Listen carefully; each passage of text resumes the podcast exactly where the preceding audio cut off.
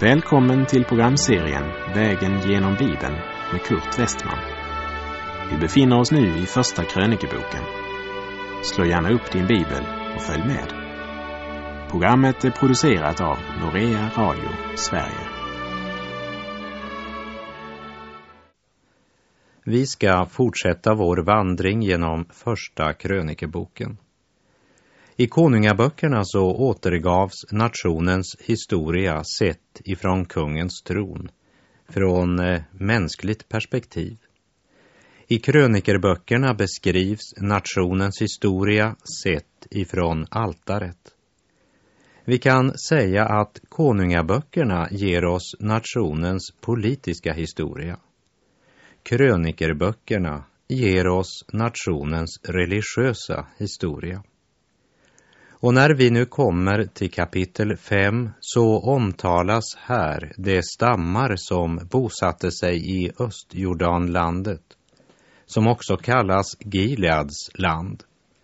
Det handlar alltså om Rubens stam, Gads stam och den ena hälften av Manasses stam.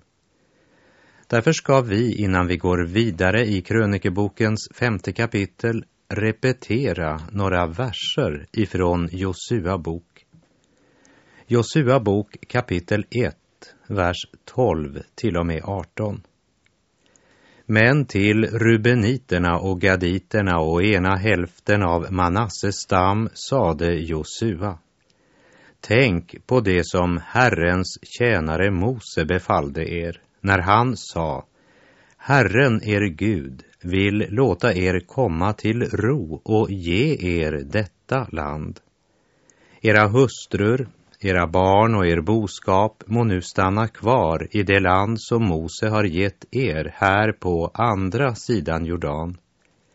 Men ni själva, så många av er som är tappra stridsmän skall dra iväg beväpnade i spetsen för era bröder och hjälpa dem tills Herren har låtit era bröder, liksom er, komma till ro, när också de har tagit i besittning det land som Herren, er Gud, vill ge dem.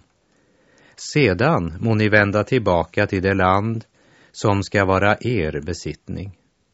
Det må ni då ta i besittning, det land som Herrens tjänare Mose har gett er, här på andra sidan Jordan, på östra sidan. Då svarade de Josua och sade, allt vad du har befallt oss vill vi göra, och vart du än sänder oss, dit vill vi gå. Som vi i allt har lytt Mose, så vill vi också lyda dig. Må endast Herren din Gud vara med dig som han var med Mose. Var och en som är motsträvig mot dina befallningar och inte lyssnar till dina ord, vad du än befaller honom, han ska bli dödad. Du må endast vara frimodig och oförfärad. Och med de orden ifrån Josua bok i tankarna så ska vi nu vandra genom kapitel 5 i Första krönikebok. Och vi läser där vers 1 och 2.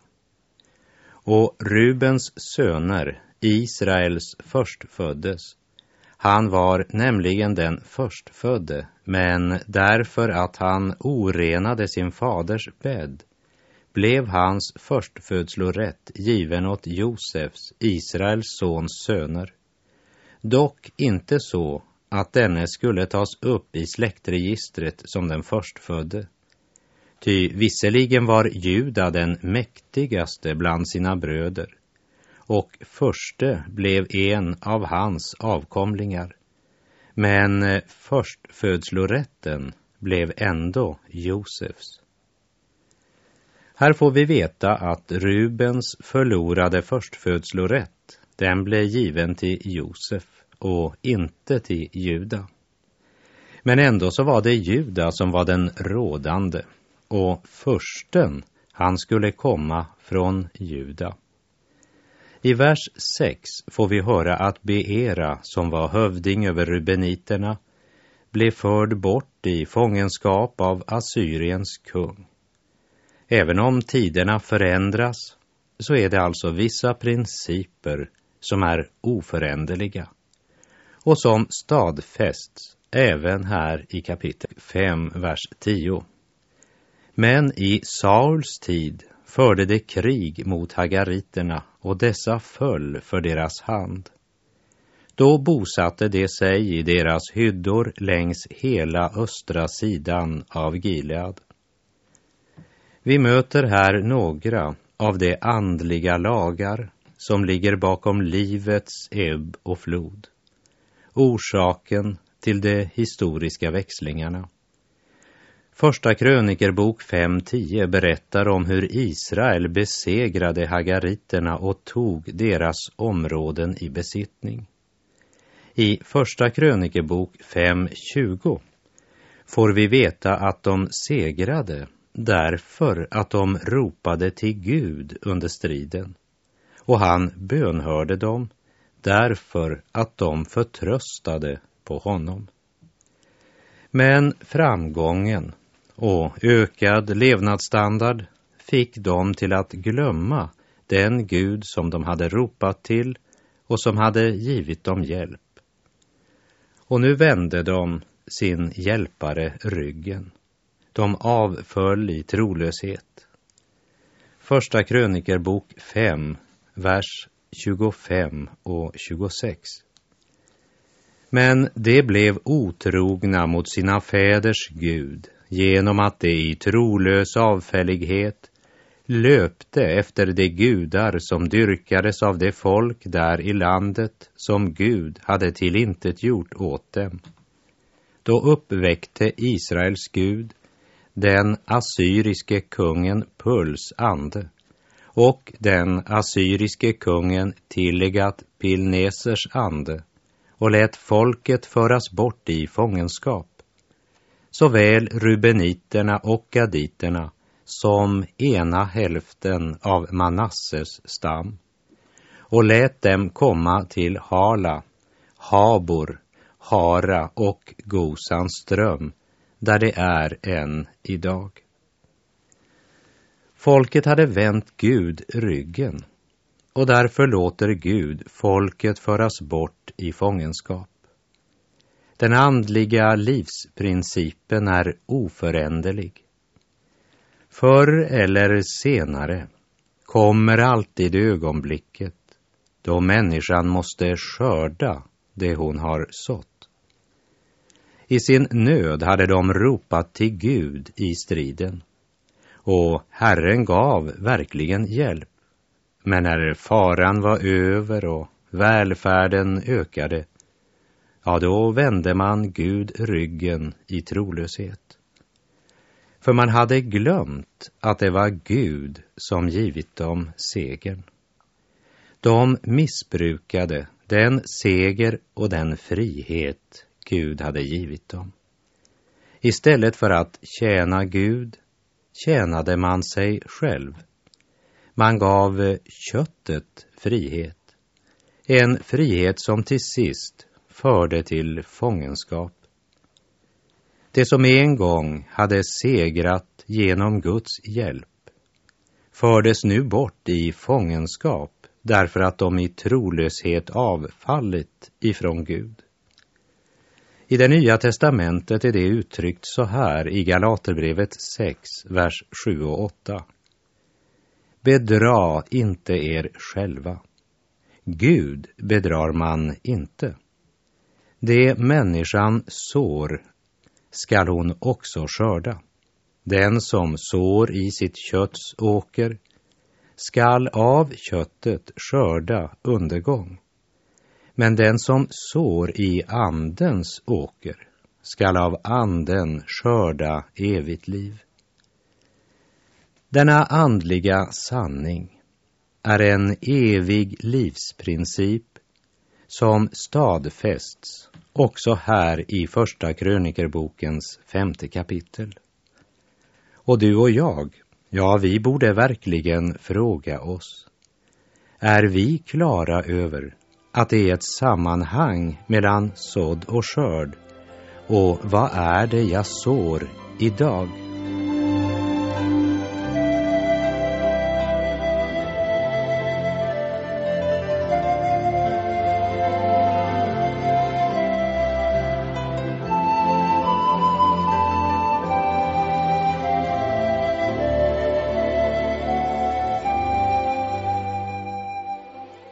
Första krönikerbokens sjätte kapitel ger oss en förteckning över Levi stam. Från Levi stam utvaldes Aron och hans söner till präster, medan Gersom, Kehat och Merari som omnämns i kapitel 6, vers 1, de fick tilldelad var sin del av tabernaklet och dess tillbehör som de skulle ha ansvaret för och vårda. Övriga leviter tjänade i Salomos tempel som portvakter, sångare, musiker och som prästernas medhjälpare. Ingen av Levis stam blev mönstrad till krigstjänst. Kapitel 6 innehåller förteckningen över Levi stam. Från Levi stam kom prästerna, från Juda och Benjamin kom kungarna. Första krönikerbokens sjunde kapitel innehåller släkttavlan för sex av Israels stammar, nämligen Isaskar, Benjamin, Naftali, Manasse, Efraim och Aser. Alla dessa sex stammar fördes bort i fångenskap i Assyrien. Kapitel 8 ger oss förteckningen över Benjamins stam och speciellt med fokus på Saul och Jonatan. Och första krönikerbokens nionde kapitel börjar med ett klart uttalande när det gäller dokumentationen av Israels stammar. Och vi läser ifrån första krönikerbok kapitel 9 och vers 1. Och hela Israel blev upptecknat i släktregister och det finns uppskrivna i boken om Israels kungar och Juda fördes bort i fångenskap till Babel för sin otrohets skull. Det är tydligt att alla stammars släkttavla fanns dokumenterad och förvarades i templet. En registrering som pågick helt fram tills de blev bortförda i fångenskap. Och de här släkttavlorna de bevarades och återfördes till Jerusalem när folket återvände. Så när den lilla rest återvände till Jerusalem efter fångenskapet så fanns också denna släktsdokumentation där. Och på Jesu tid fanns dessa släkttavlor i templet. Och du kan lita på att Jesu motståndare och fiender, de undersökte dessa släktregister för att kontrollera hans eh, stamtavla och rötter. Som jag tidigare nämnt så innehåller Matteus evangelium Josefs stamtavla. Och det är genom Josef som Jesus får sin juridiska, lagliga rätt till Davids tro. Och Lukas evangeliet innehåller Marias stamtavla och det är genom Maria som Jesus har sina blodsband till Davids ett. Och det är intressant att lägga märke till i Bibeln att Jesu fiender aldrig gjorde några försök på att angripa hans bakgrund. För hans stamtavla var mycket väl dokumenterad. Och den stämde precis. Och det var möjligt för vem som helst att kontrollera den. När templet år 70 efter Kristus blev ödelagt av Titus så blev också uppenbart dessa släkttavlor förstörda. Därför är det viktigt att lägga märke till att här i krönikerböckerna har man spårat släktsdokumentationen helt fram tills folket fördes bort i fångenskap. Och när den lilla rest återvände ja, då fortsatte man att skriva ner släkttavlorna fram till Jesu Kristi födelse. Släkttavlorna i krönikeboken och i Matteus evangelium och i Lukas evangelium stadfäster att Jesus är sann människa.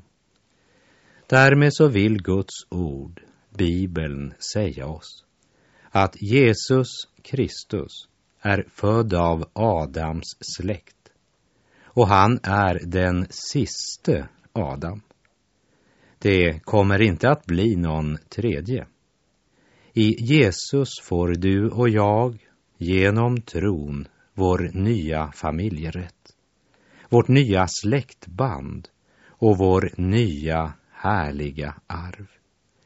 Det finns bara två släkter på jorden. Adams familj och Guds familj. Adams familj är en förlorad familj. Och in i den familjen blev du och jag födda. Från födseln tillhör vi Adams familj. Vi föddes som syndare. Och som det står i Kolosserbrevet 1, vers 21, att vi var främmande för Gud och vi var hans fiender. Och denna Guds frånvändhet och fiendskap, den är uppenbar om vi ser oss runt i vår värld idag. Hela mänskligheten har del i Adams familj. Liksom i Adam alla dör. Våra framtidsutsikter i Adam är ganska dystra. Men genom Kristus, den siste Adam, har vi hopp. För Kristus är huvudet för den andra familjen, Guds familj. I Första Korinthierbrevet 15, vers 21 och 22 står det. Ty eftersom döden kom genom en människa, så kom också det dödas uppståndelse genom en människa. Liksom i Adam alla dör, så skall också i Kristus alla göras levande. Är du i Guds familj, min vän? Där släktregistret handlar om den som är född av anden, född på nytt, född från ovan, född av Gud. Om du kan säga, jag kom till Kristus och jag litar på honom, han är min frälsare och Guds ande har gjort Jesus verklig för mitt hjärta. Ja, då tillhör du den siste Adams familj, Guds familj. Och här är det liv. I Lukas 9, vers 25 säger Jesus. Vad hjälper det en människa om hon vinner hela världen men förlorar sitt liv eller själv går förlorad? Och i Johannes 10, vers 9 och 10 säger han Jag är dörren. Den som går in genom mig skall bli frälst och han skall gå in och gå ut och finna bete. Tjuven kommer bara för att stjäla, slakta och döda. Jag har kommit för att det ska ha liv, ja, liv i överflöd. I den första Adam är det bara död. I den andra Adam är det liv, ja, liv i överflöd, liv i överflöd.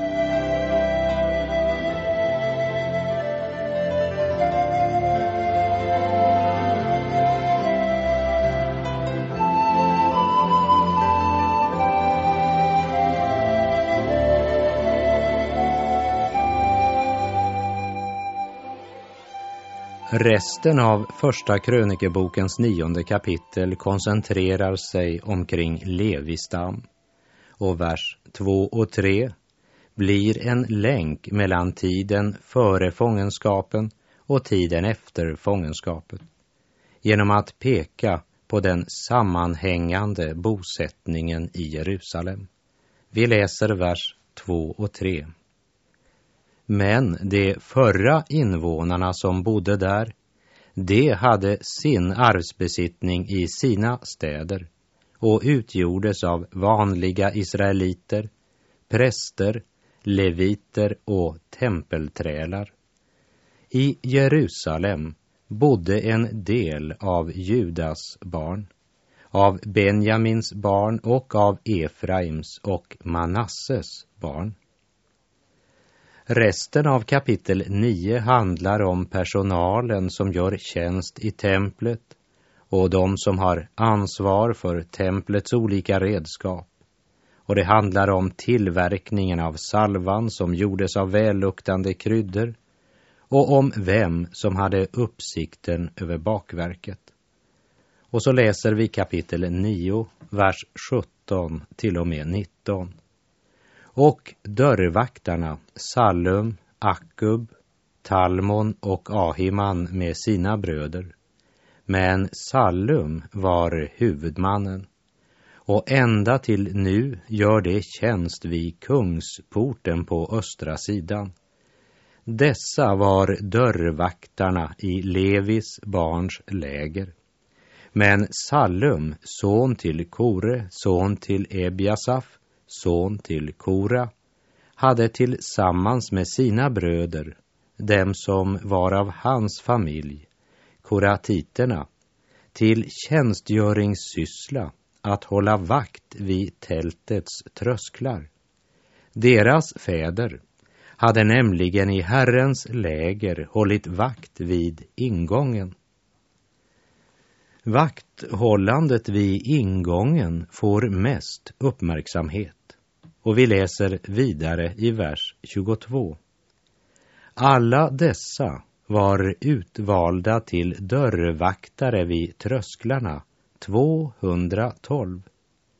Det blev i sina byar upptecknade i släktregister. David och siaren Samuel hade tillsatt dem att tjäna på heder och tro. Det var alltså några som var utvalda till att hålla vakt vid ingången och tjänstgöra som dörrvaktare vid trösklarna. Det vill säga, man hade kontroll över vad som släpptes in i Guds hus. Och dessa ord är ju högaktuella i en tid då många församlingar är redo att öppna för nästan alla tidens strömmar. Vi läser Första krönikerbok 9, vers 33.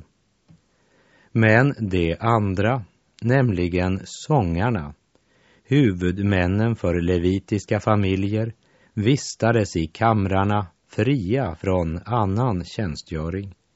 Ty dag och natt var de upptagna av sina egna sysslor. Sången hade en stor plats i gudstjänsten och även sången styrdes och dirigerades av de leviter som fått det speciella kallet. Själv så måste jag säga att jag har aldrig haft någon sångröst. Men däremot gläder jag mig mycket över att höra god andlig sång, Lammets sång. Och sången har alltid haft en central plats i tillbedjan av den treenige Gud. Första krönikerbokens kapitel 1 till och med 9 innehåller Bibelns längsta släktregister. Ett unikt dokument som går helt ifrån Adam och helt fram till Asels sex söner. Och det här det är en mycket viktig del av Jesu Kristi släkttavla. Men vi ska lägga märke till att krönikerboken har hoppat över några bestämda personer. Till exempel Kain och hans familj är inte ens nämnda i krönikerboken. Hade inte Adam en son som hette Kain? Jo, det hade han.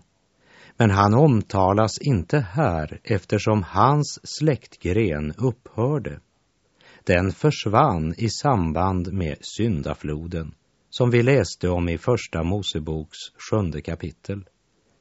Och jag tror att det också är andra personer som har utelämnats i släkttavlorna.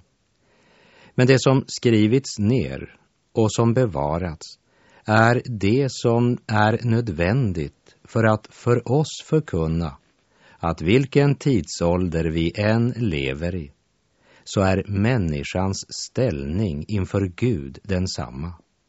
Det behövs ett offer som sonar vår synd. Frågan, hur ska jag kunna bestå inför den helige Gud? har samma svar i vilken tidsålder vi än lever. Så låt oss därför lyssna till vad Anden har att säga till församlingen, också genom krönikerbokens författare. Människan måste först genom en ställföreträdare komma i ett rätt förhållande till Gud. Helt enkelt ledas in till Gud och sedan bevaras i ett rätt förhållande till Gud. Och genom hela Gamla testamentet undervisas vi om de principer som gäller för allt andligt liv. Helt intill den dag Jesus kommer igen och hämtar de som tillhör honom. Hos profeten Jesaja i kapitel 52 står det i verserna 5 till och med 7. Och vad skall jag nu göra här, säger Herren, nu då man har fört bort mitt folk utan skäl, nu då dess tyranner så skränar, säger Herren, och mitt namn ständigt dagen igenom blir smädat. Jo, just därför skall mitt folk få lära känna mitt namn. Just därför ska de få erfara på den dagen att jag är den som talar. Ja, se här är jag.